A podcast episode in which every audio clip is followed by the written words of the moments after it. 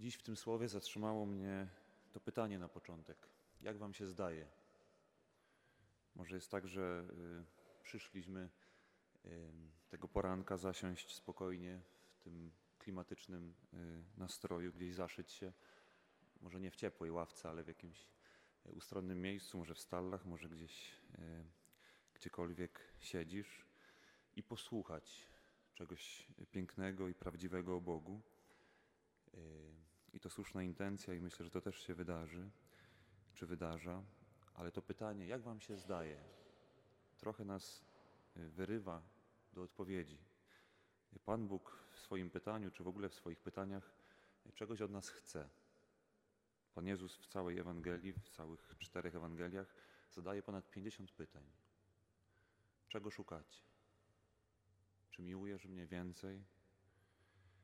Co chcesz, abym Cię uczynił? Dzisiaj pyta, dzisiaj pyta, jak myślisz? Co Wam się wydaje?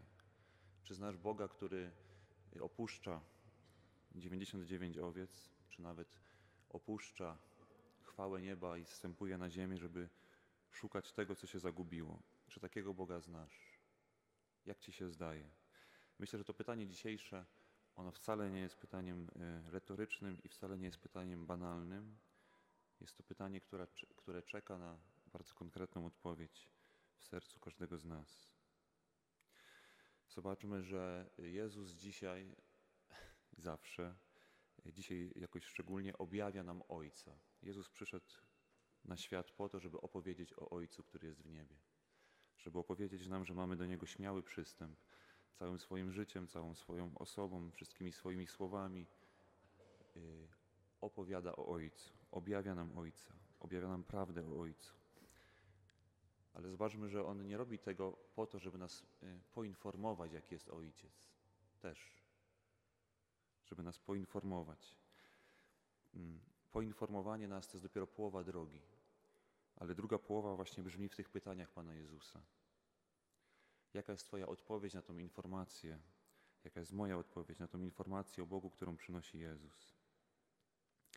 Dlatego, że Jezus chce, żebyśmy nie tylko wiedzieli o, tym, jaki Ojciec jest, że jest dobry, że jest miłością, ale żebyśmy mieli uczestnictwo w tym, jaki jest Ojciec, żebyśmy uczestniczyli w tajemnicy Boga. Jezus nie tylko chce, żebyśmy, czy Bóg nie tylko chce, żebyśmy y, zrozumieli tajemnicę narodzenia, Jego narodzenia, ale żebyśmy uczestniczyli w tej tajemnicy, to znaczy, żebyśmy doświadczyli tego, że przyszedł po to, abyśmy mieli udział w boskiej naturze, po to się wcielił. I mówię o tym dlatego, że sam w sobie zauważyłem taką prawidłowość, że nierzadko y, słuchając o Bogu, właśnie słuchając o Bogu, czytając o Bogu, jestem bardziej obserwatorem, nawet takim zadziwionym, czy zdumionym, czy pociągniętym, ale obserwatorem, y, czy słuchaczem tego, co słyszę, a mniej uczestnikiem, uczestnikiem tych tajemnic, o których słyszę. Też przypomina mi się y, podobna narracja w jedenastym rozdziale Ewangelii według świętego Jana, kiedy Marta zapłakana przybiega do Jezusa po śmierci swojego brata Łazarza. Y, tam jest dłuższy dialog, ale w pewnym momencie w tym dialogu Jezus mówi: Marto, ja jestem zmartwychwstaniem i życiem. I gdyby Pan Jezus przyszedł tylko nas poinformować, jaki jest, to postawiłby tu kropkę. Ale On pyta: Wierzysz w to? Marto, wierzysz w to, że ja jestem zmartwychwstaniem i życiem? I to pytanie zaprasza Martę do uczestnictwa w tej tajemnicy, do tego, aby doświadczyła, że Bóg jest życiem. E, zobaczcie, że podobnie myślimy, e, mówimy.